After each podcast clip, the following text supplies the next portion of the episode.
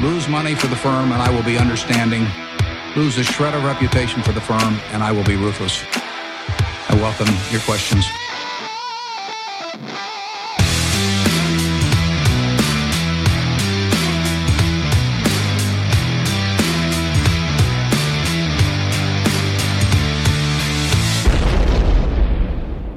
Välkomna till Kvalitetsaktiepodden. Det är jag som är Ola. Ja, och det är jag som är Klas. Eh, Det här är avsnitt nummer 59 som spelas in torsdag den 22 januari. Mm. Enligt uppgift råder det meteorologisk vinter i delar av Linköpingsområdet Va? på grund av fem kalla dygn i november. Fan trott. Ja, det visste jag ja, inte. men Okej. om det är ovanligt varmt ute så är det ju ovanligt kallt här inne på kontoret va? Vinstvarningarna här. Står som spön i Ja, backen. I avsaknad av kvällspressens snösmockor då. Mm. Så verkar ju bolagen ha tagit på sig och trycka till Ja. hos värdejägare lite extra. Ja. Och vi har ju själva fått en släng av sleven. Ja. eh, Och det kommer vi berätta om i bolagsdelen här sen då. Mm. Eh, ja, sen senast har jag kollat på den isländska kriminalserien Fångade. Mhm. För att på något sätt skaffa mig lite vinterfeeling. Okej. Ja, vad, vad har du gjort? Nej, Jag har fyllt år va och eh, varit en sväng på Vildmarkshotellet här i eh, Kolmården. Lite i högländerna ovanför Norrköping. Ja, precis. Och dessutom har jag börjat löpträna på allvar igen inför halvmaraton här i maj. Så Jag hade ju inget problem att springa utomhus direkt. Så nej, nej, nu är det mest löpande då, men, eh, men ändå. Va? Det gäller att hålla sig i form här så att man kan hantera vinstvarningarna med, med gott mod. För till slut kommer ju inte ha något annat val än att Nej, nej. springa. Så, att. Ja. så är det. Ja, idag har vi som vanligt med oss vår huvudsponsor Cavalier AB. ja, precis. Cavalier har ju eh, historiskt bedrivit en uppskattad diskretionär förvaltning, men har ju på senare tid också tagit över två fonder. Eh, och de är inriktningar som ligger den här podden varmt om hjärtat. Ja, dels har de ju fonden eh, Cavalier Quality Focus med inriktning på värdeinvestering i små och me- mellanstora företag i Norden företrädesvis. Och dels har de då Cavalier Investmentbolagsfond här sedan slutet förra året som investerar i intressanta investmentbolag både i Sverige och utomlands. Berkshire är med, vet jag. Och de här fonderna kan enkelt handlas både hos Avanza och Nordnet och hos Gammelbanken om man ber riktigt snällt. Ja. Ja. Och sen ska man då komma ihåg att historisk avkastning i fonder inte är någon som helst garanti för framtida avkastning. Viktigt. Tack säger vi till vår huvudsponsor Cavalier AB. Stort tack. Sen har vi ju våran Samarbets- samarbetspartner Börsdata. Ja, det är fantastiskt. Eh, Mm, värdeinvesterarens bästa vän. Mm. De fortsätter ju sin satsning på börsdata.se terminal. Ni kan logga in med era befintliga konton och screena loss där. Mm. Och det är ju en viktig aktivitet för oss värdeinvesterare. Ja, ja, ja, visst är det det. Nej, men ett av bolagen vi har eh, kommit upp idag har ju jag screenat fram på börsdata. Mm. Eh, Så ja, det är riktigt, riktigt bra. Anv användbart verktyg. Mm. Eller ovärderligt skulle jag säga. Ja, du har skrivit fram ett helt nytt bolag Ja. i, eh, för oss Mm. i Bröderna Hartman, Ja, Danmark, Danmark. Mm. Vi ska göra en ny, en ny resa då efter Pandora, debaclet. Pandora-debaclet. Ja. Mm. Eh, så vi tackar Börsdata för den möjligheten. Ja, precis. Aha, tack Ja, så mycket. Ja.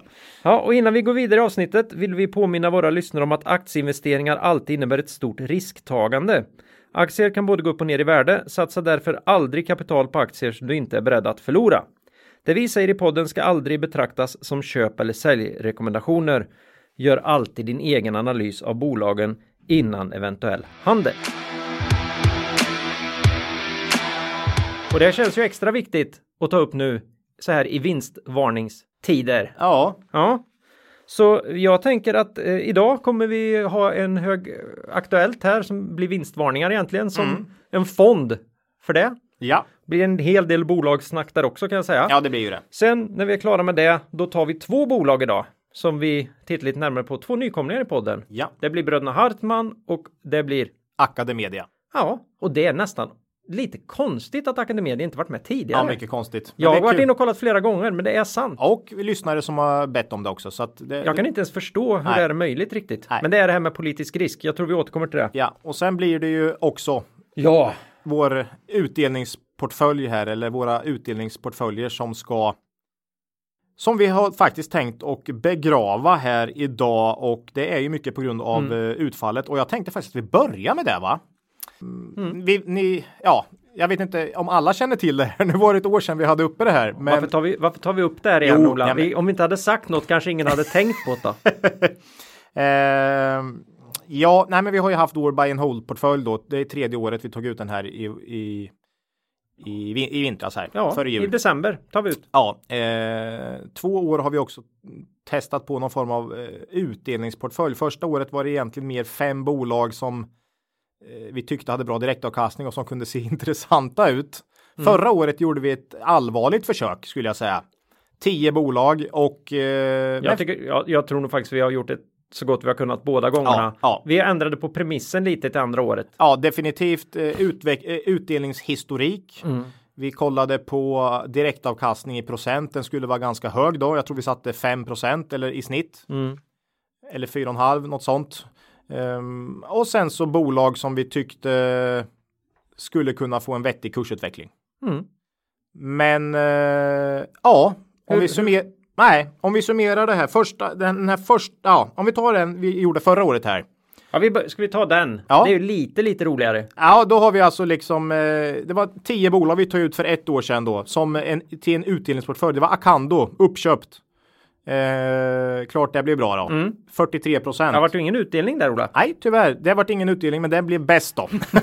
och det här säger väl lite om vad vi tycker om det här egentligen, för vi kan ju säga det rakt ut här att det är inte så att vi har att det är vi som har gått i bräschen för det här, utan vi, många lyssnare har efterfrågat det här helt enkelt. Och sen har vi sagt att nej, men det här är ett väldigt kul och intressant test, för vi tror ju egentligen inte att utdelningsportföljer slår börsen över tid. Det har vi mm. ju, det har ju, har ju vi sagt under, ja, hela tiden egentligen, ja. att vi tror inte riktigt på det.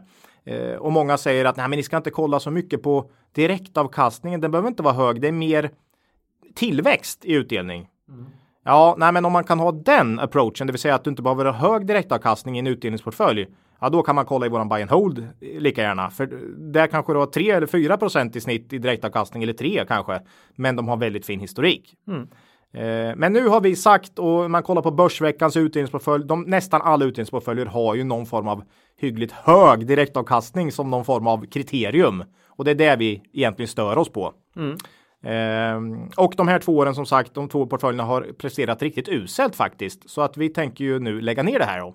Ja, men vi måste för transparensens skull ja. berätta lite vad ja. vi hållit på med. Academedia, det enda bolag som inte delade ut förra året, plus 43 procent. Eller Acando, förlåt. Mm. Eh, Björn Borg plus 36 procent, både via utdelning och eh, kursutveckling. Mm. Duni plus 27. Både och, bra mm. direktavkastning och kursutveckling. Sen hade vi ju två spelbolag som totalt har sänkt det här rejält. Eh, Kindred och Netent, eh, där har vi ju minus 40 procent på de två ungefär. Sen var vi väldigt nära att få en, en som var lite, lite positiv till här. Ja. Fram, fram till igår. Ja, Nilörngruppen mm. eh, var, såg ju bra ut till igår då. Eh, men den landade ju på minus 18 totalt då efter igår. Nokian Tires minus 5. Nordea plus 2, Softronic plus 27 och Telenor plus 5 inklusive utdelningar. Och det ska vi väl säga då när det är sådana rörelser som det i Nilörn att det här tog vi ut igår eftermiddag de här. Ja. Så att eh, vi har inte hunnit uppdatera under dagen här för nej, då har vi nej. hållit på med det vettiga manuset här. Ja, ja. men eh, då blir totalavkastningen för den här portföljen 4,3 procent på 12 månader. Mm. Och börsen och med 30 ungefär va? Ja, 34 kanske med utdelningar eller något. Ja, nej, jag tror med utdelningar 30 ungefär. Ja. ja, nej, jag kommer inte ihåg. Nej, men något sånt. Runt 30 procent i alla fall. Mm. Det spelar ingen roll om det är i alla fall så att den här portföljen har avkastat betydligt sämre. Nu såg jag i och för sig då att Börsveckans utdelningsportfölj har misslyckats, eller har gått inte så bra mm. senaste två åren mm. Och de har presterat väldigt bra historiskt så någon kan ju säga, ja men ge inte upp. Det, har varit, det här har inte varit bra år förut. Jag tror nog alla tycker vi ska ge upp Ola. Ja, det hoppas jag verkligen. Och vi, som, vi, vi, vi, som ändå, vi som ändå styr över den här eh, podden eh, väljer att inte fortsätta eh, ta, upp, ta upp utdelningsportföljer. Helt vi har ju verkligen försökt. Ska vi säga något kort om, om den från 2018 hur den har gått så här långt? Ja, det är ju minus 20 procent va? Hopp. Totalt. Eh, och det var eh, riktiga value traps där, rakt igenom. Mm. Pandora, Betsson, NGS, det är ju riktiga value traps. Sen har du Björn Borg som har eh, och, och Resurs som har lyckats prestera lite plus. Men eh, Pandora, Betsson och NGS är ju minus 30% i snitt ungefär. Eh, så Fallande skruvstäd. ja. Mm. Eh, ja, det är om det. Ehm, Jag ser här att eh, kursen när vi startade här någon gång i januari. eh, Första portföljen i 18 där var på Pandora 596 spänn. mm. Det kallar jag eh, träffa toppen. Vad var de uppe 600? Nej, de var uppe på tusen spänn. Ja, just det. Ja, för, för länge Fast sedan. det var ju Ja, länge sedan. Ja, det ja. varvet tänker jag på nu. Ja, så det. Eh. ja, nej herregud. Ja, nej men så, Nej, så är det. Eh, vi ser utdelningen som en del av en helhet. Mm. Eh, utdelningen, ja egentligen vi- värderar inte särskilt högt. Nej, vi, vi kollar mycket mer på tillväxt och vinsttillväxt, eh, PE, nettoskuld. Eh, utdelningen är mer ett mått på eh, kvalitet tycker Mm. vi, men inte just eh, dess storlek egentligen. Eh, Och, och en möjlighet att få lite bättre mot också. ja, och Kanske kanske, lite mot, vad säger Nej. jag? Mos. ja, och lite Margin of safety när ja. man tar sin investering. Ja, och lite skydd på nedsidan ibland kanske. Eh, men som sagt, det har ju inte räckt de här åren. Så att eh, den får tacka för sig. Ja, Eh, kul experiment har det varit i alla fall. Det gör väl att vi befäster vår tro i att utdelningsjägande inte är någonting för oss egentligen. nej, den, den sista är väl viktig. Ja, Vi, det, vi kan i alla fall konstatera att vi har gjort vårt allra bästa Ja, och det gick ofattbart dåligt. ja. Så Ja. vi, vi, eh, vi gör så helt enkelt. Ja, Tack Ja. för det. tack, tack för den här tiden. Ja. ja. Eh, egentligen nog bara vi som bryr oss. Ja. Ola, så jag tror vi eh, hoppar vidare här. Och går in på det roliga ämnet vinstvarningar. Ja, eller? nu blir det vinstvarningsfond här Ja. i, i, i Kvallepodden då. Ja, ja. Eh, ja. Vad vill, vart ska vi börja? Ja, jag vet inte. Sist vi, för två veckor sedan så hade vi väl uppe XXL tror jag i alla fall. Så vi Mm. hann väl med någon av vinstvarningarna då, men det, var- det var ju väl, det var inte så många som vinstvarnade redan vid jul där. Nej, Men, men, har tickat eh, in. Men vädret har ju såklart varit en av de här grejerna som har eh, slagit hårt på, eh, ja, på, på, på bolagen. Eh, framförallt då, XXL var ju väldigt eh, tydligt. Men även Phoenix Auto kan man ju misstänka då, eh, får det lite halvtufft här i Q4. De har ju inte vinstvarnat dock. Nej. Eh, sedan förra podden så har ju då Ja, det är massa vinstvarningar. Kindred kan nämnas, eh, Proact, MTG, Collector och igår då eh, Nilörngruppen eh, som exempel. Eh, och eh, vi har även fått några omvända faktiskt. Eh, dels så tajmar vi in första, första genomgången av Sobi eh, med en omvänd vinstvarning några dagar efteråt. Lite roligt. Eh, och i morse då kom Bilia något överraskande med en omvänd vinstvarning. Så att, eh, men framförallt har det varit ren, regelrätta vinstvarningar så att säga. Ja, Det, det har gått sämre än vad bolaget tycker att marknaden har Ja. fog, att, fog att förvänta sig. ja, och vi tog ju sist det här. Vi har, ju- kommer du ihåg det innan förra rapportsäsongen att vi pratade om inför rapportperioden? Mm. Eh, det är svårare nu den här rapportperioden eh, att hitta bolag tycker vi för eh, vi har ganska låga förväntningar på bolagen generellt faktiskt. Eh, och det har väl avspeglats i vår likviditet. Vi har väl pratat om det här senaste poddarna att vi har väldigt mycket likvida medel och vi har väl 50 nästan i likvida medel i portföljen. Och det är för att verkstad har det lite tufft. Eh, man kan se på Sandvik här, orderingången relativt svag. Så man, funder, man vågar inte investera i för mycket konjunkturkänsligt i dagsläget inför Q4. Konsulterna har mindre de- debiterbar tid i Q4. Vädret som vi sa eh, har ju ställt till det för några. Spelbolagen ytterligare tufft kvartal i Q4. Och eh, ja, så att vi, det är liksom inför rapportsäsongen är mycket rädsla för vad som kommer i de här rapporterna och det har faktiskt varit mycket vinstvarningar. Så att eh, vi har mycket likviditet. Så inför rapportsäsongen blir väl mer att kanske hålla koll om några av de här bolagen inte kommer in riktigt så dåligt. Du kan tänka dig ett konsultbolag som presterar som förra året. Det är ju väldigt bra egentligen. Så att eh, jag tycker mer att man kan hålla den, det fokuset in, inför rapportperioden den här gången. Alltså man, om man tittar på förra gången pratade vi mer om bolag sådär vi, vi tänkte hålla stenkoll på. Nu är det väl lite mer branscher. Ja. Att lite mer brett skanna av till exempel då teknikkonsulterna här och se och IT IT-konsulterna. ja, ja. Vad, vad, vad händer där och även, även spelbolagen eh, kan ju komma det kan ju nu börja komma information om hur, hur de, vad de tror om framtiden, hur de ser på den och lite vad som redan har hänt. Som kan vara, ja om man har tur kan den ju vara bra. Mm. Men de här rapporterna kan ju eventuellt tas emot ganska så surt. Ja, och verkstad. De som presterar bra i en tuff marknad. Klädbolagen, vi såg Nilörn här, vinstvarning igår, men även Björn Borg och alla, alltså kan, kan man prestera bra i de här tiderna så kan man hitta bra investeringar kanske trots att vinsten inte går upp. Mm. Om du förstår vad jag menar. Ja. Eh, men just inför är man ju lite orolig för att man ska, eh, ja för det ser väldigt, det ser tufft ut på många håll. Eller nästan alla branscher vi följer. Så att, eh, ja, nej men håll koll, lite koll på det kan man säga inför rapporterna då. Eh, och de som presterar hyggligt kan vara riktigt bra. Ja. Men om vi återgår till vinstvarningarna då här.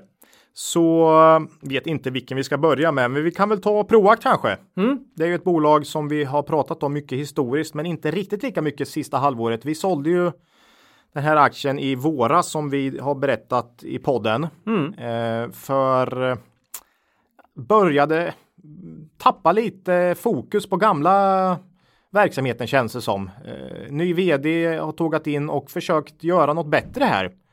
Men frågan är om det blir, det, det har i alla fall blivit sämre initialt. Och vi är lite osäkra på vart det här tar vägen helt enkelt. Eh, Men Proact kom med en vinstvarning här för Q4 och man har haft det tufft egentligen hela 2019. I Q4 ökade intäkterna med 2% och det är inte jättebra i och med att man också har förvärvat där faktiskt. Så organiskt är det ju tapp helt klart. Minus 3% sa man eh, organiskt. Justerad ebita minus 15% och vinst per aktie lär ju förmodligen ha tappat ännu mer. I och med att det är just justerad ebita så, Jag är, så är jag rädd bara, för det. bara det faktum att det numera är justerad ebita är ju en varnings, Ja, varningssignal. Ja, lite så. Dessutom börjar man med att jämföra utfallet i Q4 med utfallet i Q3 i år.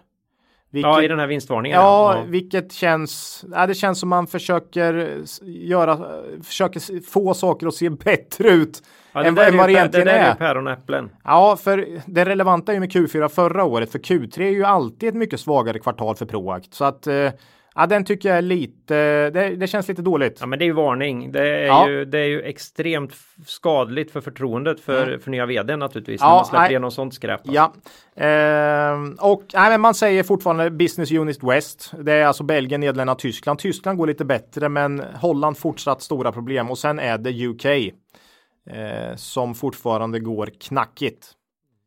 S- eh, Norden fortsätter gå bra. Mm. Så eh, den här liksom core, man har ju 50% i Norden och eh, mer av resultatet än så. Så den går fortfarande bra, men det liksom kickar inte riktigt utomlands. Däremot ska vi säga att Proact har en väldigt fin historik. Så när vi började följa Proact här, när vi började med podden och, och, så där så hade de ju en lång racka med år med 14% omsättning och vinsttillväxt i snitt. Så eh, nej, jag tycker nog att det är lite, lite deras nya en, en, en viss omläggning här som har fått att 2019 har blivit svagt. Ja, och sen har de ju, det är en stor förändring i deras bransch där vi går ifrån eh, egenägda eller åtminstone on-site servrar till, till molnlösningar helt enkelt. Mm. I, en ra, i en rasa, ett rasande tempo. Ja, Och eh, ja, det, då gäller det att kunna möta det. Mm, jag vill nog säga att jag ändå tror på Proact eh, framöver här. Eh, Men det är, det är oroväckande att de tappar i sin befintliga gamla verksamhet alltså. Eh, och vi äger fortfarande inte aktier här i Proact. Vi har inte köpt tillbaks dem trots kursnedgången här för vi, vi måste se att de slutar tappa i kärnaffären tycker jag. Eh, Och sluta jämföra sig med med Q3. Q3. Ja. Ehm, ja, nej, ja, nej, vi får se här under 2020. Jämförelsetalen blir ju definitivt lättare här, som vi brukar säga. Eh, Och eh, det kan ju göra eh, att det helt enkelt kan börja se lite bättre ut. Men vi måste få se något kvartal där bolaget presterar först. Det känns så. Samtidigt vattnas det i munnen naturligtvis. Ja. Eh, historiskt eh, är det ju så att den här typen av bolag kommer ju tillbaka. Ja, så är det. Och misshandlar de då marknaden tillräckligt mycket på vägen Mm. i, i den här bumpen eller vad vi får hoppas det är. Mm. Då kan vi ju få chansen att komma in här. Så att eh, det är ju inte alltid det är inte alltid tråkigt. Nej. För den här typen av bolag är ju oftast för dyra för oss. Så Ja. Att, eh, mm. Det om det. Spännande. Ett bolag som har blivit än mer misshandlat är väl Kindred. Mm. egentligen. Eh, där har ju marknaden totalt tappat eh, förtroendet skulle jag säga. Senaste året har ju varit jättetufft för både bolaget och branschen ju. Och eh, här kommer man då med en vinstvarning i Q4. Eh, ja, vi äger inga aktier heller i Kindred då. Du hade ju lite men sålde väl här efter någon av alla chockrapporterna här eh, under ja, året. Ja, jag gav väl upp redan tidigt i höstas. Ja, eller om det var i somras någon gång. Mm. Eh, nej, men vinstvarningen här från Kindred då. Spelöverskottet minus 6 procent. Ja, spelöverskott är ju omsättning egentligen. Det är ju vad man får kvar helt enkelt mellan insatser och ut, vinster. Eh, minus 6 procent. Underliggande ebitda halverades. Faktiska resultatet lär ju sjunka ännu mer än, äh, än e det underliggande ebitda. Mm. Aktiva kunder dock plus 2% Här gäller det att greppa efter halmstrån tycker jag. Mm. I de här nattsvarta bolagen där liksom marknaden totalt har eh, tappat tron. Och det är ju positivt, för den var faktiskt negativ i Q3 vet jag. Eh, så lite intressant. Mm. Ehm, ja, man skyller på sportproduktmarginal framför allt, men jag tycker inte den var inte särskilt svag eh, om jag kollar på det ur ett historiskt perspektiv. Eh, man skyller på Frankrike eh, och det är ju ett nytt bolag i den här skämslådan för för spelbolagen. Det har inte riktigt varit det som har varit på tapeten förut. här säger man att spelskatten beräknas på bruttomsättning, vilket gjorde att man fick en väldigt stor finansiell påverkan i Q4 och att från och med 2020 så börjar det eh, beräknas på spelöverskottet. Så enligt det, om man tror på Kindred där så, är det, eh, så blir ju inte den effekten framöver. Mm. Um, ja, sen lyfter man fram fortsatt regelförändringarna här i Sverige då och även Nederländerna där man har liksom minskat sin aktivitet inför deras reglering. Ja, precis. Sverige säger man dock tydlig förbättring jämfört med föregående kvartal. Så eh, det här vi sa inför Kommer du ihåg det vi pratade om inför regleringen här för ett år sedan att Danmark, Danmark det var ni, nio månader det tog och Ja, Q4, det är nio månader. Mm. Eh, kan det vara så att vi har sett någon botten i Sverige? Eh, kanske. Kindred verkar ju tro på det. Mm. Intressant tycker jag. Um, ja, sen är det USA. Satsningar tynger rejält. 60 mil 6 miljoner pund 60 miljoner då ungefär eller ännu mer. I, i, bara Q4 och intäkterna måste ju vara väldigt marginella än så länge så att där går man ju rejält back än så länge. Ja. Det hoppas man ju kunna få något mer svar på i kommande rapporter. Ja, både i bokslutskommunikén och framförallt i års, årsrapporten då möjligen. Ja, lite vad de har gjort och ja. vad, vad, de ser där. Eh, skulle vara oerhört intressant. Nej, det kostar ju mer än det smakar för tillfället. Mm. Så är det ju. Um, vi har ju stått utanför den här branschen sedan i somras då vi lämnade vårt enda innehav i sektorn Aspire Global. Och eh, vi har ju fortfarande inte köpt in oss här i branschen igen och eh, Ja, vi följer den med intresse. Eh, 2020 kommer jämförelsetalen se betydligt lättare ut med tanke på att det var då Sverige införde sin reglering för ett år sedan här va. Um, Fonderna har ju också slaktat bolagen. Det här med etik har ju verkligen varit på tapeten under 2019. Mm. Så uh, den här effekten bör väl också kanske klinga av så småningom när alla har sålt va?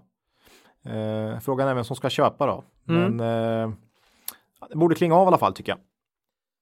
Nej, de, ja, de kommer ju inte få några gratisflöden överhuvudtaget. Nej, de, nej. Det, blir det ju inga fonder som tar i dem med tång och Nej, eller det är inga fonder som tar igenom det. Nej. Nej, tyvärr. Så Ja, och dessutom har jag så svårt att se någon jättekatapulteffekt uppåt här. Va, liksom, visst, det kanske planar ut, men vad är det som säger att det ska börja rusa åt motsatt håll i vinst? Man måste ju betänka att trots att det finns så fruktansvärt mycket kapital fortfarande ute mm. så är det ju ingen som går in och plockar upp de här. Nej. Eh, och det kan ju bero på två saker. Jag tror säkert det finns de som försöker, men de som sitter på de här mm. vägrar ju acceptera nuvarande värdering helt enkelt. Ja, ja, men så är det ju. Så att kommer någon och mm. säger att ni får 70 kronor för Kindred, då säger de aldrig. Mm. Aktien stod i 150 spänn här, du, du kan glömma det. Mm. Så att man har, jag tror förväntansbilden och eh, liksom prisnivån som en köpare är beredd att betala kanske skiljer sig för mycket. Jag tror den är väldigt stor. Ja, vi har inte sett knappt några förvärv heller. Så att eh, Ja, nej, vi får se.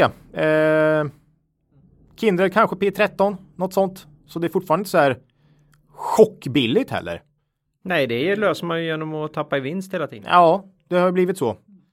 Så nej, vi står fortfarande utanför sektorn, men inte ja. roligt. Vi får följa Kindred ändå som vi tycker de har sportsbook, de verkar sköta sig bra, liksom eh, om man ser som, som bolag.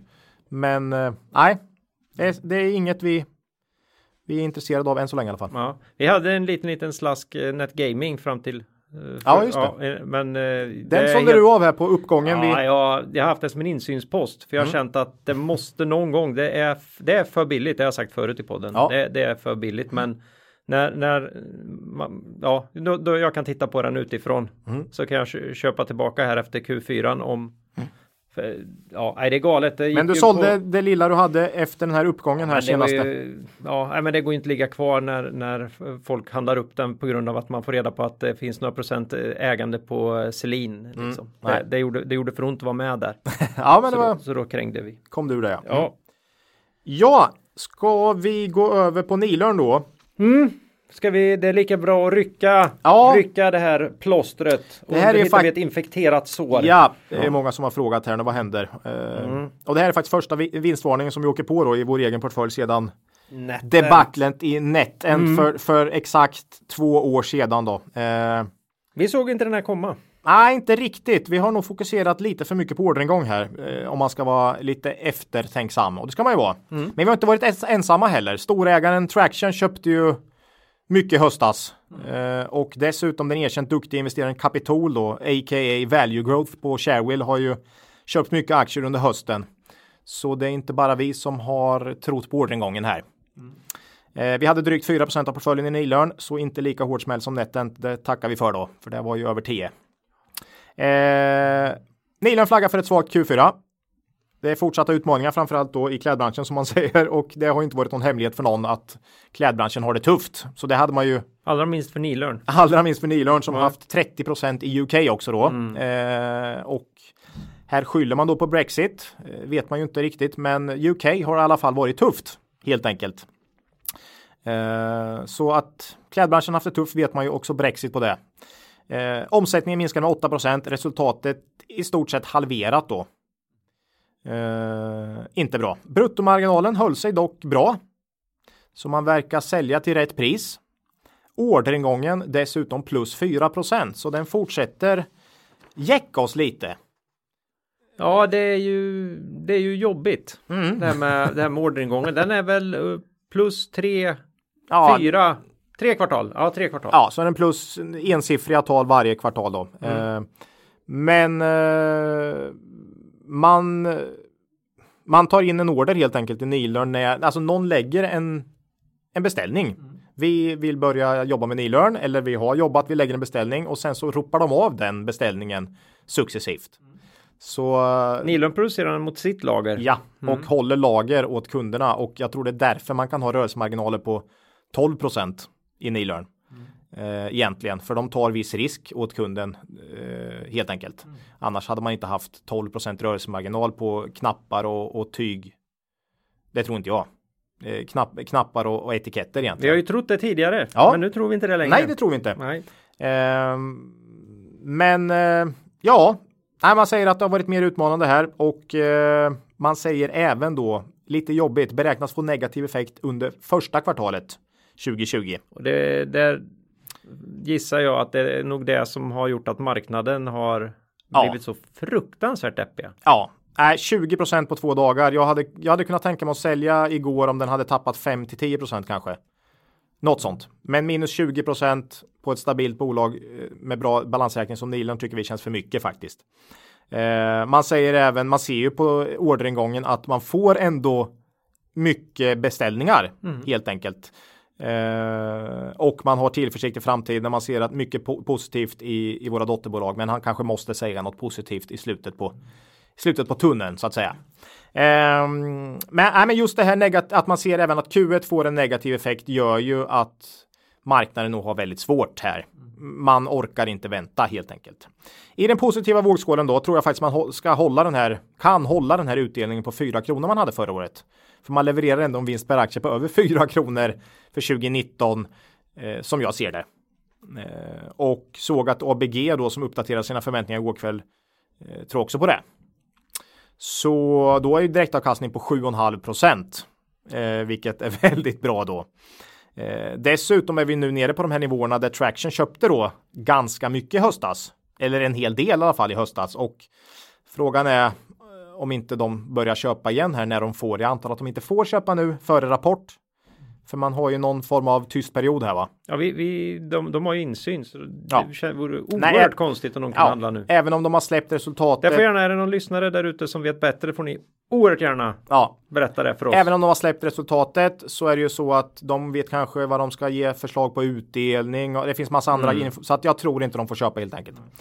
Eh, men ska vi summera Nilörn då så är ofta det rätt, rätta då. 90% av fallen är det rätta att sälja direkt på vinstvarningar. Mm. Eh, och sen kan man fundera och se på caset utifrån.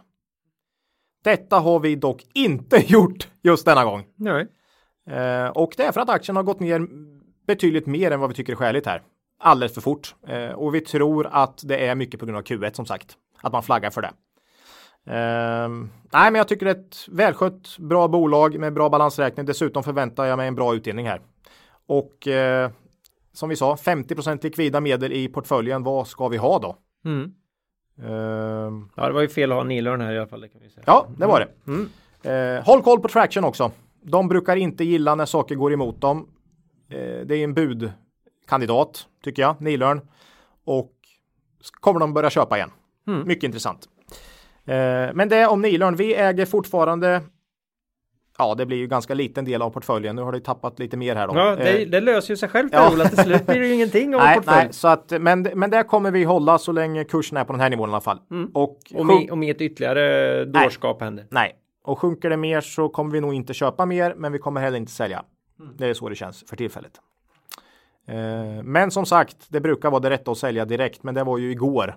Ja. nu har det gått ner ytterligare idag, så att eh, man brukar ha någon tre dagars regel. Har du hört den? Ja, ja. Att eh, efter en sån här stor negativ nyhet så går det ner tre dagar innan det vänder. Mm. Vi får se hur det blir här. Hade, Nilo, hade, hade Traction fått köpa, då hade det kunnat vända. Alltså, Stefan Persson i H&M har ju köpt väldigt mycket precis efter rapport och vänt kanske en negativ kursutveckling till att bli något annat. Men det kan ju inte Traction göra här i, i och med att de har. Så vi får se. Men vi är kvar i Nilörn med den lilla post vi har. Japp. Eh, får vi se. Ja. Det om det. Vad, vad hoppar vi på för att... Ja, du ville prata lite kollektor här. Ja, eh, det låter ju som att jag är oerhört insatt i, i det här. Jag, jag Nej, tog det är vi ju lite inte. som- Men, Nej men jag, jag, jag har ju tagit resurs någon gång och vi får mer frågor. Mm. Och jag säger alltid att nej men jag, jag förstår inte det här. nej. Det, jag tycker det ser jättebra ut och då brukar vi fastna i det här att kan man verkligen ha en sån här hög marginal över tid? Mm.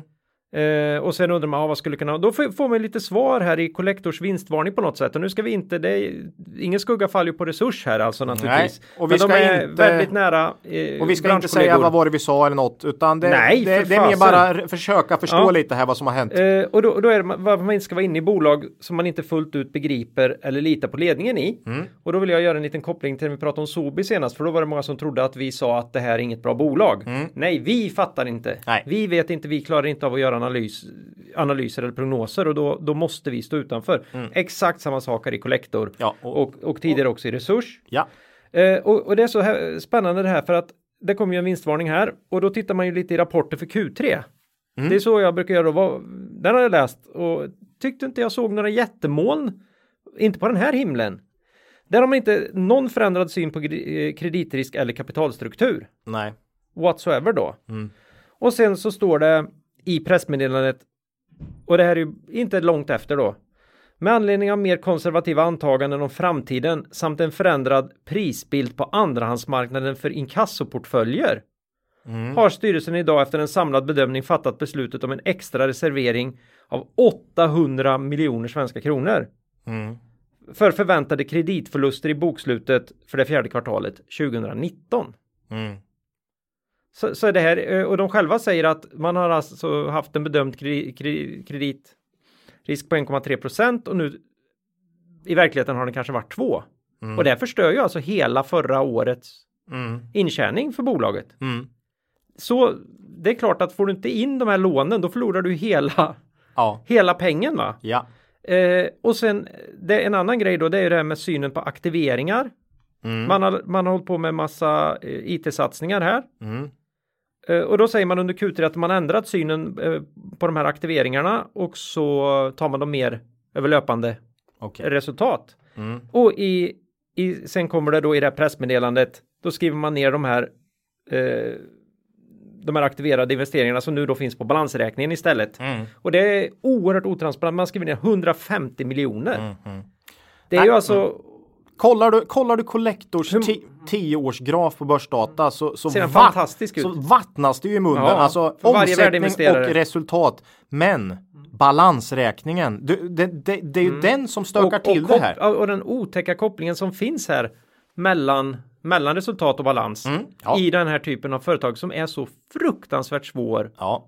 För det, oss att Det finns alltid en stark koppling, men ex, här är det oerhört stark koppling mellan balans och resultaträkning liksom, eh, som helt plötsligt bara smäller till. Och dessutom, så länge det går så går det bra. Mm. Men när man väl kommer till en gräns, ja då blir det en jättesmäll. Och de här 800 miljonerna ska egentligen dras, smetas ut på resultatet under många år. Ja, ja. Liksom. Så man, ja. Och, och det här innebär ju också att man kommer acceptera en annan syn på sin kreditrisk. Mm. Och, och det kommer slå på resultatet. Plus då Mm. att, de, att de här aktiveringar man gjort på IT-sidan där man kommer behöva fortsätta att ta kostnader säger man. Mm. De kommer ju landa direkt i resultaträkningen istället så det blir ju en dubbel Mm.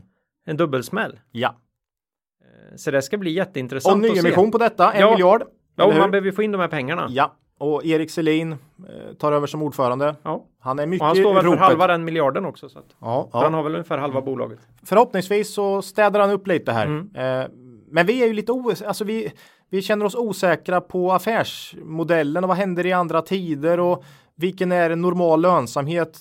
Lönsamheten i Collector har ju inte, ska ju inte ha varit så här hög då egentligen. Utan, Nej, nej. Eh, nej, det är svårt. Vi har jäkligt svårt för det här och det, det, det är väl därför vi inte, för många har bett oss kan inte prata mer om Resurs, TF Bank Ja, och Collector också. Ja, men, men eh, nej, vi har svårt för det. Ja, finansiella tjänster överlag har vi väldigt svårt och alltså bank och, och så. Det, För, er, för er som har eh, DI så är ju Bråse skriver ju fruktansvärt bra om det här. Mm, Bråse är bra. Gå in, gå in och läs. Ja, Eh, han förstår saker här som jag överhuvudtaget inte är i närheten av att greppa.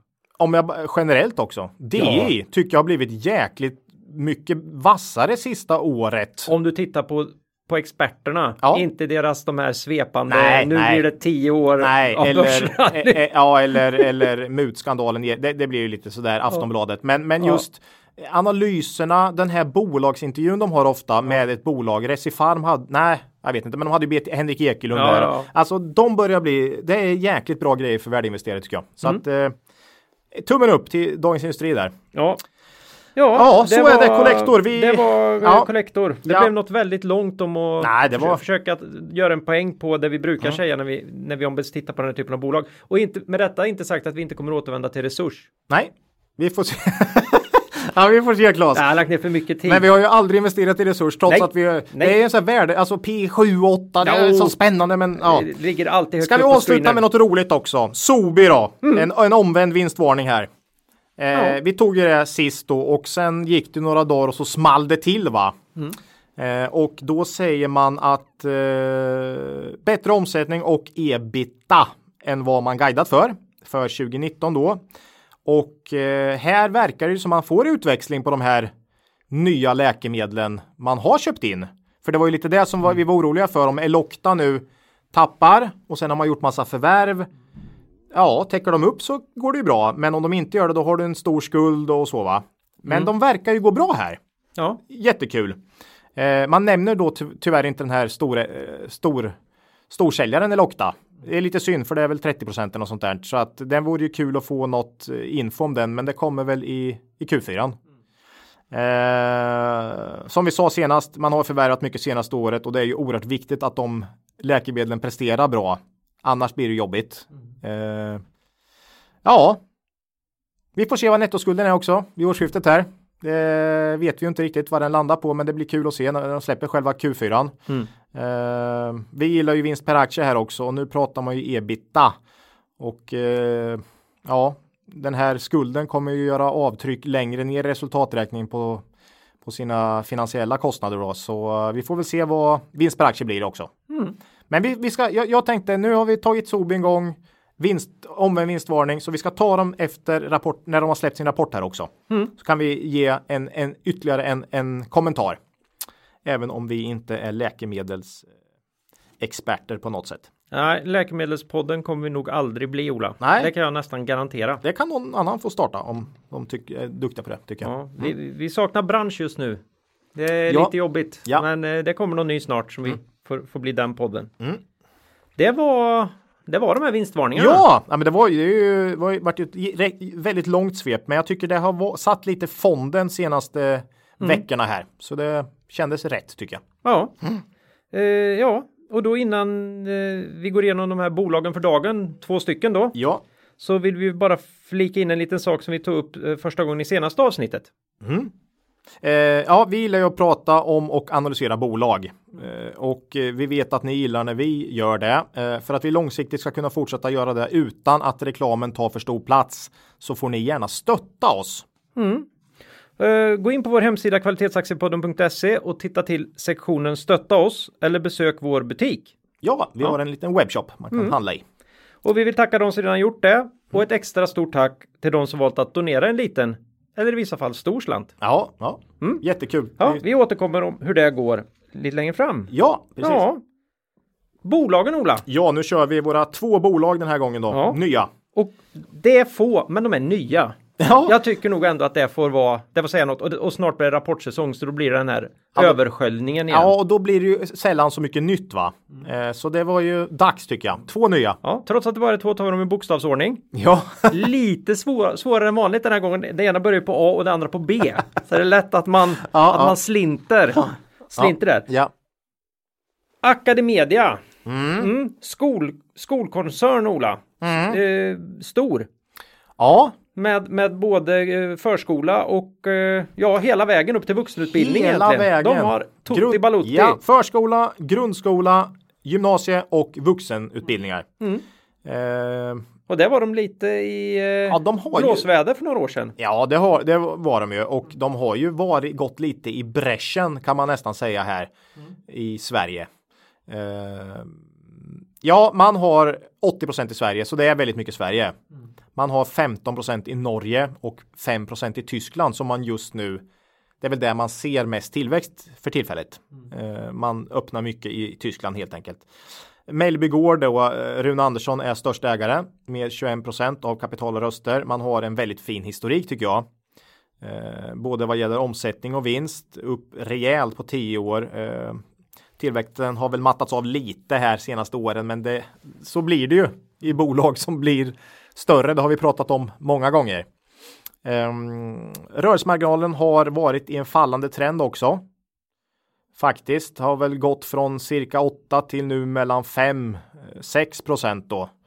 Eh, inga stora kast då i lönsamheten, men man har ändå tappat här senaste åren och Lärarlönerna har ju gått upp rejält faktiskt. Ja, och man säger faktiskt det, det, den, liksom den stora grejen är en marginalpress på något sätt. Eh, löneökningarna kompenseras inte fullt ut av de här, den här så kallade höjningen av skolpengen. Det här är ju en politisk verksamhet i mångt och eller en, en, en, verksamhet med viss politisk risk. Och det har vi väl. Det var väl Ja, det där är väl en, ett understatement. Ja. Det är stor, stor politisk risk, i alla fall i Sverige och de är stora i Sverige. Så. Ja, i Norge med, herregud. Eh, där är det ju någon form av eh, jag kommer inte ihåg vad de, men det, det är under uppsyn just nu i alla fall. Eh, Hela helt- grejen. Ja, så att du får nog leva med det om du investerar i Academedia. Den här politiska risken har väl dock tryckts bort lite och eh, senaste året här. Eh, debatten har i alla fall försvunnit egentligen i mångt och mycket och det kanske har med förskjutningen i svensk politik och sådär. Eh, Ja, dels det och sen, sen är det väl tyvärr så att, att pol- politiken har ju en tendens att fokusera eller det, det som kommer ut av politiken är det vi får i media och media fokuserar på det som är hetast för dagen. Och nu är det sprängdåd och skjutningar i Ja. kriminella miljöer. Och eh, Just för an- det lilla, det lilla skolan dyker upp där är väl just vilken, vilken roll det svenska skolsystemet har i att skapa de här segre, det här segregerade samhället. Men själva diskussionen om, nej, den har försvunnit om ganska mycket. kommunala och privata skolor och så är ju För två år sedan var det ju, det var ju, Jättehett. det var ju, det var ju var och Ja. varannan. Ja, och privat, ja. Ja, ja. Alltså det var ju egentligen vinster i vård och skola. Mm. Det var ju liksom, det var nästan den viktigaste frågan då. Mm. Så att då hade ju Academedia det tufft på börsen också, såklart. Eh, och det här ska man ju veta då att det kan ju bli så här i, i perioder så liksom skiftar den politiska debatten och så blir det tufft mm. för Academedia kursmässigt. För man blir rädd helt enkelt. Man har dessutom inte vågat eller fått, jag vet inte, dela ut pengar historiskt. Mm. Men det har man faktiskt börjat med nu förra året. Så vi får se eh, om man kan hålla det då. Mm. Men, men den politiska debatten har i alla fall skiftat. Det har det. Inte lika nattsvart kan man säga. Um, ja, nej, men förutom den här marginalpressen då, att liksom skolpengen inte riktigt har täckt de här höjningen av lärarlönerna så har det även varit vuxenutbildningen här som har haft problem. Och det har mycket att göra med Arbetsförmedlingens kris här eh, faktiskt. Jag antar att, ja plus högkonjunktur tror jag man skrev någonstans att folk, folk har jobb. Ja men de, de behöver inte utbilda sig liksom. Ja och sen eh, ganska kraftigt minskad invandring också. Ja, så, så, att den har varit, den har haft problem sista året eller mm. åren. Um, och Arbetsförmedlingen är stor påverkan där. Um, man får helt enkelt inte lika många antar jag in i skol. Från De, Arbetsförmedlingen. Det är inte lika många program och projekt som dras igång. Exakt. För att göra uh, människor mer anställningsbara och ge dem nya skills. Ja, nej men om, om, man nu släpper den här politiska risken då, mm. som vi ändå måste nämna först mm. på något sätt, så är det inte konjunkturkänsligt. De bästa åren historiskt för Academedia är 2008, 9, 10 när i stort sett allt annat total kollapsade. Då har man sin bästa tillväxt och sin bästa lönsamhet genom alla tider. Så då var det också i och för sig lite grönbete för de här som var tidigt ute på Kanske och marginal, marginalen har tappat något men inget enskilt år har mm. omsättningen sjunkit och man har bra lönsamhet så att Nej, jag tror snarare jag så. tror ju att den stora kunden har bra förmåga att betala i, i, i nationell valuta. ja. Någonting säger mig det. Ja, säger det alltså. ja. Och, och dessutom kanske är så att i sämre tider går fler i skola. Eh, mm. så att eh, nej, men kollar man på historiken så är det inte konjunkturkänsligt helt enkelt. Eh, och det gör att vi faktiskt gillar det här då. De två bolagen vi har tagit fram här idag är ju båda tydligt icke konjunkturkänsliga känner vi. Mm. Um, ja, vi, vi tycker det ser intressant ut i Academedia. En jobbig effekt här i år är det här EFRS som påverkar no fruktansvärt faktiskt. Kanske det jag, som jag sett som påverkar mest både mm. på, i balansräkning och resultat då. Eh, förutom då 7 miljarder som tillförs balansräkningen så säger man att ebit kommer påverkas med plus 200 miljoner under in, innevarande bokslutsår. Men att finansnettot kommer påverkas negativt med 400 miljoner. Det vill säga ett netto på 200 miljoner säger man här. Mm. Det gör ju ont på vinsten. Eh, sen håller man på nu då hela 2000, det är brutet här också såklart, så det är 2019-20 här nu, så håller man på och dubbel redovisar så att man även ska kunna se då hur det hade gått om man hade redovisat på gamla sättet. Ja, jag vet eh. inte om alla lyssnare med på de här eh, IFRS-effekterna, men, men i, i företag som hyr mm. väldigt mycket av sin, eh, sin ja, vad ska vi säga det? Sitt, sin sina resurser ja, och i det här ja. fallet är det ju byggnaderna de bedriver sin verksamhet mm, i mm. misstänker jag. Mer, mer, mer än eh, några maskiner. Kanske en annan dator kan det vara det. Så, eh, så får man ju en effekt beroende på hur mogna de här kontrakten är. Mm. För de eh, värderas om som om man hade ägt det själv. Just det. Och eh, så delar man upp det då på en avskrivning och en räntekostnad som är ju fiktiv egentligen. Mm. Och över tid då så ska ju resultatet i i resultaträkningen, resultatet i resultaträkningen. Mm. Effekten av det här i resultaträkningen inte... över, över lite tid, mm. ett antal år. Ska ju vara neutral. På så bli, det blir ju neutralt, mm. men mm. det här, det här viktar om så att säga resultatet ja. i bolagen. Så det mm. här innebär ju att och, och det, det, börjar med att, att kosta mer än vad det smakar så att säga. Såg vi även i Svedol. Mm. Eh, inte lika tydligt men vi såg det i Svedol. Ja, vi har lite sån minieffekt i Byggmax också. Mm. Sådär, så, att, mm. mm. eh, så med tiden så kommer man ju ham hamna i ett läge då det är neutralt mot ja. vad det hade varit om det inte hade funnits. Och sen kommer det vara lite positivt och sen smäller det till igen. Mm. Eh, och sen hoppas man ju då att man kan fördela ut de här kontrakten över tid på mm. ett sätt eh, med tiden här så att Ja. Så att det liksom är neutralt hela tiden. Academedia skriver också, vi är bra och fokuserar på att eh, leverera bra eh, utbildningar. Mm. Vi är ingen fastighetsbolag.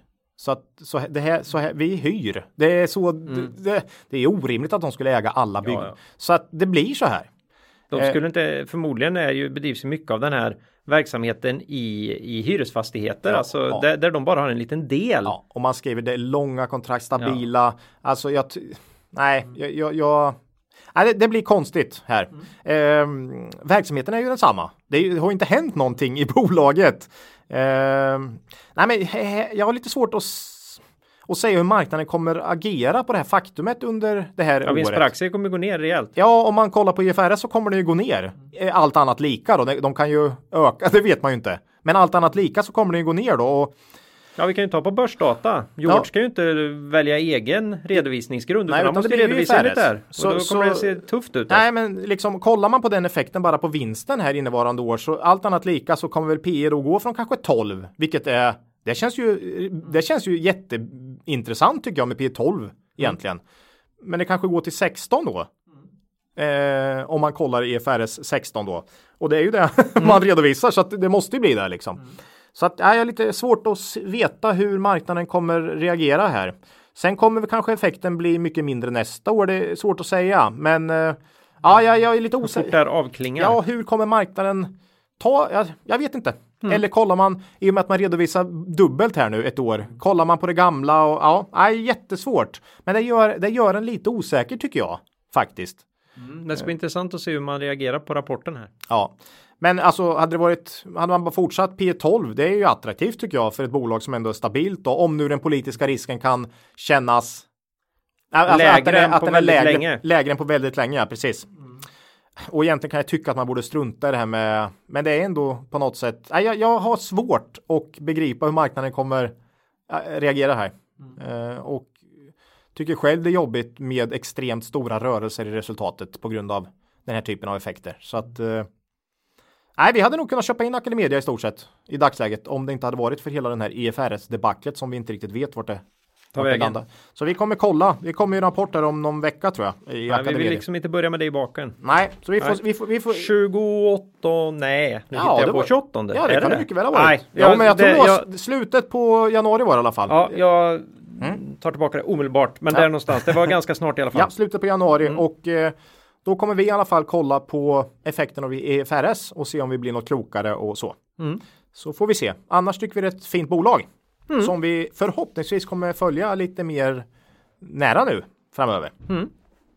Ja, då går vi över till något helt annat. Eller vad är det Monty Python säger? En no, no, something, something completely different. Ja, för hylla Terry Jones gick ju tiden här igår också ja. så att uh, hatten av ja. uh, för honom. Mm. Rest in peace. Så är det. Mm. Uh. Ja, mm. det var en bra inledning på den här. Ja. Det var glatt. Ja. här, här skulle, och det här är ju jättebra för det här bolaget, att du gjorde den här Monty Python-kopplingen. Mm. Det bjuder ju inte så fruktansvärt mycket dåliga ordvitsar. Ah, spara våra ja. lyssnare från, från de sämsta då, Claes. Ja. ja. Mm. Eh, så det är ju frågan här nu. Det här, det här bolaget eh, är ju tillverkare av äggkartonger. Ja, och i, utrustning för att göra mm. ägg kartonger. ja. Så då är min fråga till Ola, är det någonting man ska ägga? ja, uh, jag tycker ju det här är ett väldigt intressant bolag. Och bolaget är då Bröderna Hartman. Ett danskt bolag på midcap i uh, Köpenhamn. Vi gillar ju midcap-bolag och började söka där då via börsdata faktiskt screenade fram det här. Det, det låter det som det är helt, vi gör ju det hela tiden. Ja, men ja. det har varit lite tufft att hitta något riktigt ja, bra. men nu kom, dök det mm. upp ett nytt och så bara, jaha vad är det här? Och sen börja läsa på äggkartonger. Ja, mm. nej men det, det det är ju ingen, vi, vi har ju försökt hitta, vi, vi, försöker väl egentligen alltid hitta konjunkturokänsliga bolag till mm. låga värderingar, men det har inte varit så lätt på slutet. Den här typen av konjunkturstabila bolag har ju liksom helt ballat ur mm. värderingen på många av dem. Det är P25 på ICA och de här Axfood som vi har pratat om liksom. Eh, så vi, det har liksom varit lite dödfött. Men här då helt plötsligt kom det faktiskt upp ett bolag som jag gick in och började kolla och de gör äggkartonger och är världsmarknadsledande på äggkartonger och även lite då eh, förpackningar till, Levererar frukt. över hela världen? Levererar över stort sett hela vägen. Inte Asien än så länge, mm. men annars. Um, Ja, 100-årsjubileum här för två år sedan. Det är ju också sånt där man gillar. Um, om jag läser på deras hemsida så kan ni få en lite bättre bild kanske. Hartman is the world's leading manufacturer of molded fiber egg packaging.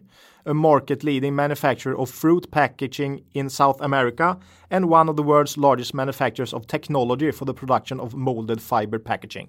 Mm. Så det är alltså mm, papp, massa pappers Nej, men ägg, pressad, pressad ja, tänk äggkartong. Ja. Det är liksom det. det är exakt det. det, det, det ja, mm. precis.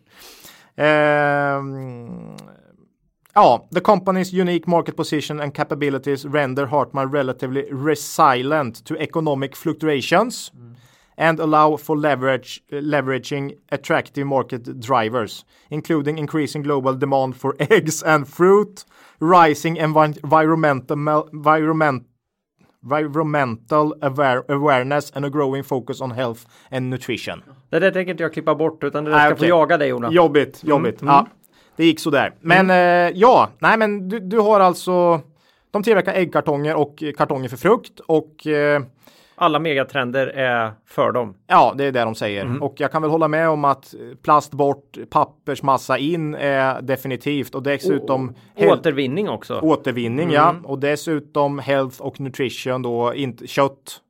Eh, är skadligt liksom. Eh, Ja, det är ju skadligt för klimatet. Där är det ju Ja. väldigt många som är. Ja, och även en hel del eh, vegetarianer kan tänka sig ägg faktiskt. Så att eh, ägg är ju något form av ja, mellanting där. Det är ju en väldigt trevlig proteinkälla om du inte just har kött att Ja. tillgå. Ja. Eh, Man ägs till nästan 70 procent. Känns det igen? Swedol. Ja, Ja, eh, av ett holdingbolag, inte eh, inte Nordstjärnan här då, men Tornico Holding. de har eh, nog inte varit med i, Nej, i podden det förut. är ett stort familjeägt holdingbolag i eh, Danmark som har eh, 150 företag i portföljen över hela världen. Mm. Eh, Lannebo Fonder, svenska Lannebo Fonder äger 5% också. Så Mm. där fick vi in lite svenskt trots allt då. Eh, nej, men förutom de här två makrotrenderna då, miljötrenden då, bort med plast, in med papp, återvunnet papper då. Eh, för oss är det ingen konst, vi har ju haft äggkartonger här. Men, men, ja, men i många andra delar av världen så är det en hel del plast faktiskt. Eh, Ja, med tanke på att eh, nog mer människor som åker till Spanien på semester än till eh, Mm. Ja. någon, någon sommarstuga så lär man ju se, vet man vad man köper ägg i där. ja, Det är plast. Ja, eh, och dessutom har du då ägg som är ett livsmedel som eventuellt kan få ytterligare medvind här då. De yttre faktorerna har dock senaste året eller åren varit ganska tuffa för Hartman. Eh, det började börja med att vdn dog under 2018. Eh, fick ställa om en del. Sen har papperspriserna fullkomligt Ja, pappersmassa. pappersmassapriserna rusat. Och det kan man ju se på Duni till exempel och Essity och de här under för ett år sedan ungefär eh, hur man tappade marginal helt enkelt. Du kan inte höja priserna så fort Nej. helt enkelt och energipriserna har man också haft väldigt tufft med. För det är egentligen två grejer här. Det är pappersmassa och det är energi. Det är det man behöver för att tillverka helt enkelt. Eh, och, och som om inte det var nog här förra året så var, har man ju dessutom 10-15 procent av sin produktion i Argentina då som då har eh, egentligen Hyperinflation. Ja, det är ett intressant ord som vi nog inte haft uppe i podden förut. Nej. Men alltså, det är inte jättelätt att parera sig för det eh, på kort tid. På lång tid ställer du in sig för du får helt plötsligt 10 000 för ett ägg betalt istället för 10 spänn va? Är du med? Eh, men det går inte riktigt att höja så. Alltså, det är svårt Nej. att hinna med. Nej, någonstans måste ju valutan stabiliseras i alla fall Ja. och det måste finnas någon som får ut pengar och nu, kunna kanske, köpa med. nu kanske jag tog i, men säg att det kostar 100 istället för 10. Alltså Ja. det, det, det, Sen är, finns ju alltid den här eh, att en hel del av, av, verk, av verksamheten börjar ju då, eller av handeln i det landet börjar gå i dollar. Så är det ju alltid. ja. Det är så här Eh, go-to-valuta ju. Precis, så att eh, bara den liksom omsättningen påverkas negativt av de här valuta på 100 miljoner under 2019, äh, under nio månader Mm. Eh, under 2019 på grund av Argentina. Så Var det det, där man hade frukt också? Ja, det har man frukt också. Ja, det var ju Man, lyckosamt. man köpte, det- man förvärvade dessutom 2015 Argenti, eh, produktion i Argentina och Brasilien. Brasilien har ju fortfarande okej då. Mm. Ingen hyperinflation, men Argentina har ju haft det tufft liksom. Eh, underliggande då, om man försöker liksom rensa bort allt det här med eh, insatsvaror och hyperinflation så har det tuffat på precis som det har gjort egentligen under väldigt många år. Några procents organisk tillväxt och sen har man kryddat det med något enstaka förvärv. Mm. Ehm, nu har man dock under 2019 samtidigt som det här intensifierat sina satsningar på tillväxt. Det vill säga man är inte nöjd med kanske ett par, några procent eh, organiskt. Utan man har ökat upp sin produktionskapacitet i Europa, USA och Sydamerika. Eh, lite för att man ser en ökad efterfrågan helt enkelt. Eh, och dessutom har man satsat mer på marknadsföring. Vilket man nog inte har jobbat jättemycket med. Och eh, under året har man dessutom fått se fallande massapriser. De är ner 30% sedan i somras så lika mycket som det gick upp har det gått ner här nu och nog lite till. Man har jobbat med effektivitet och dessutom har man kunnat höja snittpriset på förpackning. Nu får vi se om de sänker igen då när massapriserna eh, faller, men det brukar inte gå riktigt så fort. men eh, förmodligen kommer det. Eh, ja, förmodligen så får man lite bättre lönsamhet helt enkelt. I alla fall i det korta perspektivet. Det är intressant är att det är själva, det här är ju själva förpackningen också. Det är ju inte huvud, huvudvaran så att säga. Nej, utan till, alltså äggproducenterna köper ju in det här som egentligen sin enda eh, vad ska man säga underleverantör. Mm. Ja, de, lite foder och grejer om de nu har hönsen Ja, jo, jo, men så är det ju. Men, men för att liksom få ut det sen, då är de här äggkartongerna. Mm. Eh, du packar i de här och sen liksom, ja, det är där de köper in. Så att visst, det är ju viktigt för äggproducenterna vad de får betala för äggkartongerna. Mm. Men Hartman är världsmästare, höll jag på att säga, men eh, ledande där och kan nog ha något hygglig. Mm. Jag tror inte det är jättestor pris per förpackning heller. Så att, men viktigt för Hartman såklart. Jo, Alltså det ska intressant att se om de kan hålla kvar de priserna. Ja. Eller om de måste backa igen. Eh, man har en bra, väldigt bra historik vad gäller omsättning. Den har minskat ett år bara så länge jag har historik och då minskar den med 2 Och det är väl lite det här att det är en väldigt stabil underliggande verksamhet. Det är liksom inte några stora kast här. Mm. Det är inte konjunkturkänsligt. Man äter inte mindre ägg och så vidare.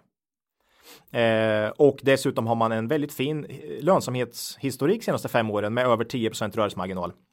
Eh, man har gjort, man gör alltid outlook varje år och eh, man höjde den faktiskt här i Q3 och landar man på, håller man den här för Q4 också då som inte har redovisats än så bör det bli en tillväxt på 5% i Q4 och en ordentlig resultatförbättring faktiskt om man håller sina prognoser.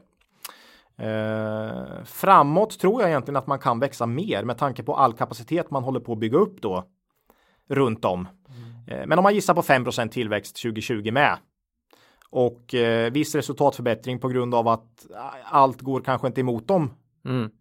nästa år så ja, kanske man kan få 24-25 kronor i vinst per aktie. Jag tror de ligger på 20-21 nu, någonting rullande bakåt. Mm.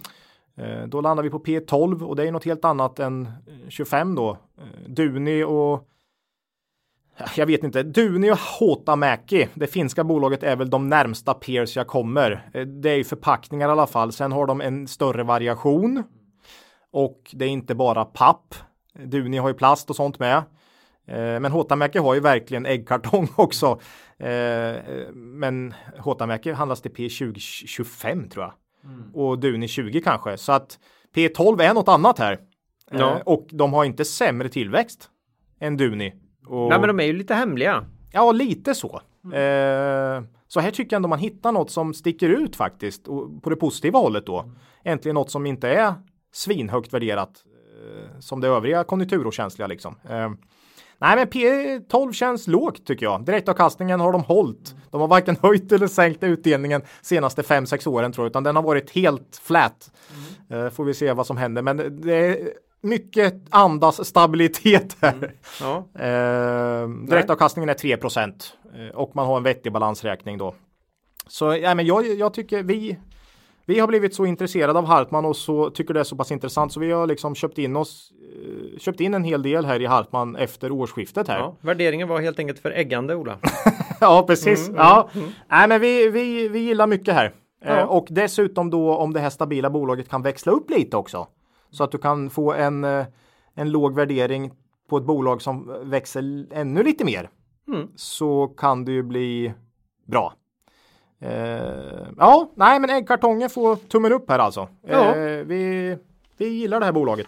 Uh, så vi är ägare i ett danskt bolag nu då, helt plötsligt igen. Igen? Ja, senast ja, Pandora. Så, så se valuta, upp. Nu blev valuta mot vind. Ja, precis. Jobbigt. Mm. Ja, nej, men man får vara försiktig då mm. och inte uh, förköpa sig. Nej, nej. I det här, för man ska inte lägga alla ägg i samma korg. Precis. Nej, men kolla, Oerhört viktigt. Mm, är ni intresserade, kolla upp uh, Hartman. Uh, vi tycker det ser intressant ut. Uh, får ni gärna komma med era kommentarer. Ja. Om ni har något. läge att göra sin egen analys. Ja, Mm, som vanligt. som vanligt. Ja, det drar kul. iväg. Ja, men det Nej, var men kul. roligt, roligt att vi hittar någonting här i alla fall. Ja, ja. Som, vi, som vi faktiskt tror på. Mm. Det är skoj. Får vi se hur det går. Ja. Ja, tiden drar iväg och eh, vi bara ös på här. Mm. Lyssna frågan. Ja. Varför tar vi en så fruktansvärt svår fråga då? Kan man undra.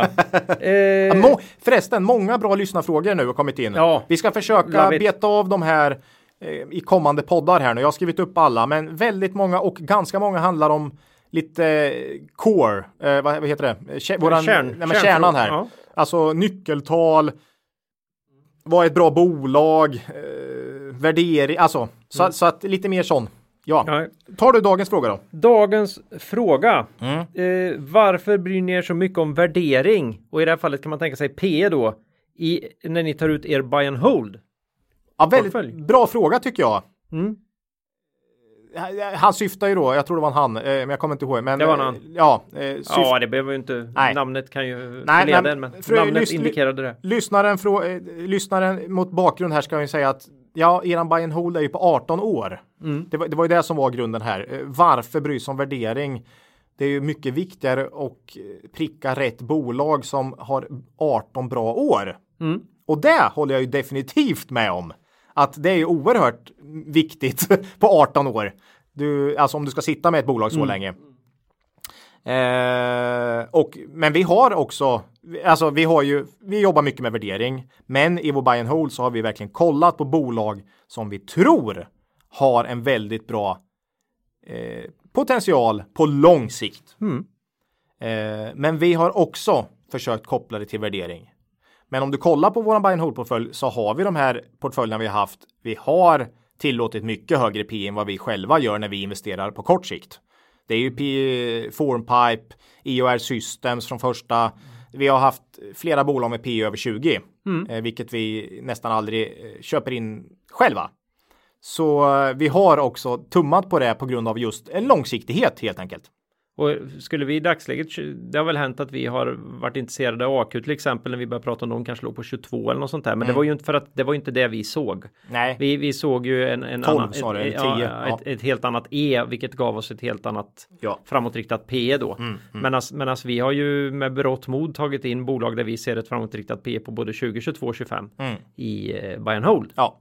Så, För, så, för, för det är ju helt rätt Mm. att är det så lång sikt så spelar ju inte nuvarande värdering riktigt lika stor roll. För det är liksom det är så lång tid på 18 Mm. år så att då handlar det mer om tillväxt, vinsttillväxt under de här åren. Eh, men vad vi har försökt göra här i våran buy and hold är att både hitta bolag med bra vinsttillväxt under många år och en rimlig värdering. För vi är ändå en värdeinvesteringspodd och vi vill ge bra uppslag på bolag som är hyggligt eh, rätt värderade, alltså rimligt värderade Alltså det här är lite som en raketuppskjutning från jorden. Vi vill ju liksom, medan vi kan påverka här så vill vi ju ge de här bolagen en bra start. Ja, ja, Sen vet ju vi att de kommer färdas här ja, och vi kommer kunna göra väldigt, väldigt lite för att påverka riktningen. Mm, Men, men har, vi, har vi åtminstone gett dem en bra start i rätt riktning här så Mm.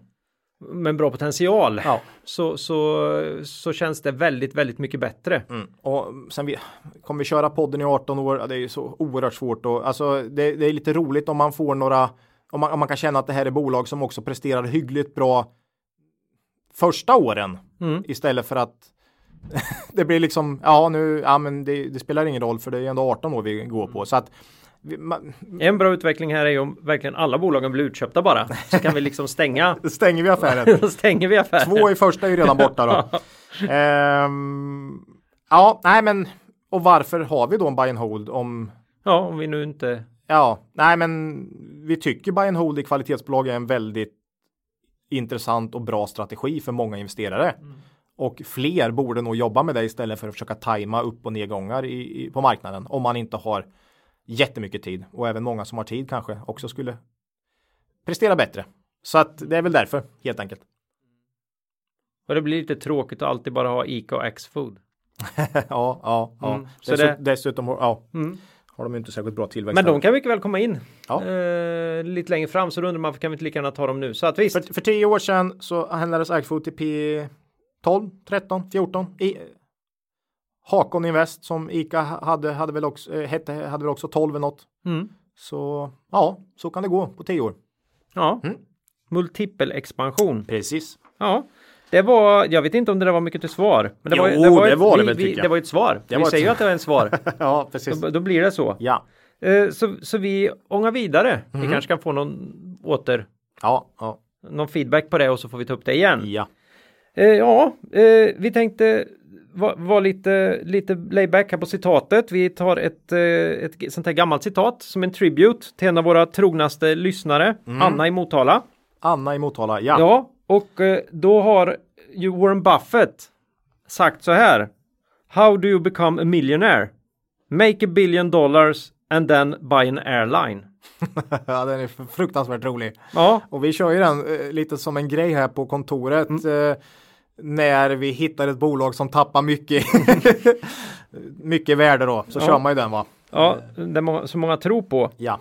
Eh, ja, det säger ju en del. Ja, jag tror att det, det säger mest, mig mest är ju om man tänker sig att Warren Buffett är eh, den kanske mest kända investeraren. Det är viktigt att ha kul på jobbet. Ja, Är det ja. inte det? Jo, jo, jo. Och han har ju, han halkar ju in på de där flygbolagen ständigt alltså. Man får inte ta sig själv på för stort allvar. Nej, nej. Det, jag tror det är livsfarligt. Man, alltså, man måste vara ödmjuk Ja, så är det. när man håller på med investeringar. Ja. Eller du, man kanske inte måste, man måste nog kanske inte vara det, men jag tror över tid det går bättre. och du kommer ha fel ibland. Ja. Det här är en, en, en sport, eller vad ska man kalla det? En, en verksamhet där du måste acceptera att ha fel ibland. Även Warren Buffett har ju fel ibland. Ja. Eh, kan du inte tolerera att ha fel, då är du ju i fel bransch helt enkelt. Eh, så med det sagt, det passar ju dagen här med Nilön och allt. Ja. Eh, så Som vanligt så tar vi något som passar för att försvara Ja. någon dumhet som vi har gjort. som vi har gjort. Nej men så bra citat Claes och lite kul. Ja, mm. tack Anna då. Ja, Mm, för inspirationen. Då börjar vi faktiskt äntligen närma oss slutet för avsnittet här Ola. ja det har varit så kul så det. Ja, ja, ja. Nästa avsnitt. Rapportkommentarer. Mm. Ja. Äntligen är vi tillbaka på trygg mark. Herregud. Det blir ju 10 bolag plus och Oh! det mata på Du- med bolagsrapporter. Ja. Nej, det kommer bli jag känner redan att det kommer lite Svett- svettdroppar, Ja. pärlor i pannan här. Det här blir torsdagen den 6 februari i alla fall. Mm. Eh, och innan tills dess kan ni gärna mejla oss på kontaktet kvalitetsaktiepodden.se. Ja. Kommentera på Twitter eller på vår hemsida. ja. Och vi är hyggligt i fas. Hyggligt ja. Ja, Vi tackar för alla mejl och så. Eh, Ibland tar det lite tid, vi har mycket att göra och så, så då kan det ta någon vecka eller två innan vi återkommer. Men eh, vi har som mål att beta av alla. ja och en del frågor vi får Eller är- beta av, det är inte, det är inte beta av, det är att svara på alla. Ja, en del frågor vi får på Twitter och så där kan vi ju vara lite svåra att svara på. Mm. Och ibland vill vi helt enkelt inte svara och så. Ja, och Twitter är inte super, eh, du kan inte svara så långt Nej. på Twitter. Så att eh, har ni den typen av frågor kan man mejla istället. Ja, Mm. vi kanske ska bli duktigare på att uppmana folk att mejla frågor. Ja, kan man göra. Inser jag nu. Ja, Ja, bra Claes. Ja. Snyggt. det kommer vi säkert inte komma ihåg. Eh, eget ägande. Ja, Hartman då har vi ju köpt in oss i här då. Eh, det danska äggförpackningsbolaget. Eh, vi äger ju också eh, aktier i Nilörn som vi sa, fortfarande några procent av portföljen och så har jag Proact kvar i mitt eh, den här långa eh, pensionsspars. Ja, jag pensionssparar också eh, Proact. Eh, jag tror jag nämnde Byggmax någonstans. Okej. Det har vi. Kindred hade du också kanske något i någon pensions? Nej. Ja, det har jag. Jaha. En, en liten, liten eh, skvätt. Ja, vi, var, vi, vi var väl inte överdrivet positiva. Ja. Men ja, Eh, det, det är inte jag direkt utan det är mina stackars barn Aj, som får sitta och ta den etiskt. nergången, ha den etiskt tveksamma och dåliga Mm. eh, aktien. Ja, så innan vi bommar igen för idag då Mm. så vill vi bara än en gång påminna er om att ni ska gå in på Cavaliers hemsida och läsa om deras fina erbjudanden. Och ni kan också gärna följa dem på Twitter. Ja. Men då ska ni komma ihåg att historisk avkastning i fonder inte är någon garanti för framtida avkastning. Ja, men vill vi önska er en lyckosam börsperiod. Börsperiod? Va? Rapport- Rapportperiod? Ja, men jag kan en- inte ens, en period- lä- en jag kan inte ens läsa innantill. Nej, Nej. det där får du Och- inte heller klippa bort. Claes. Nej, det tänker jag inte göra. nej. Och sen som vanligt så ber vi er komma ihåg att Det är först när tidvattnet drar sig tillbaka som du får se vem som badat naken. Lose money for the firm and I will be understanding. Lose a shred of reputation for the firm and I will be ruthless. I welcome your questions.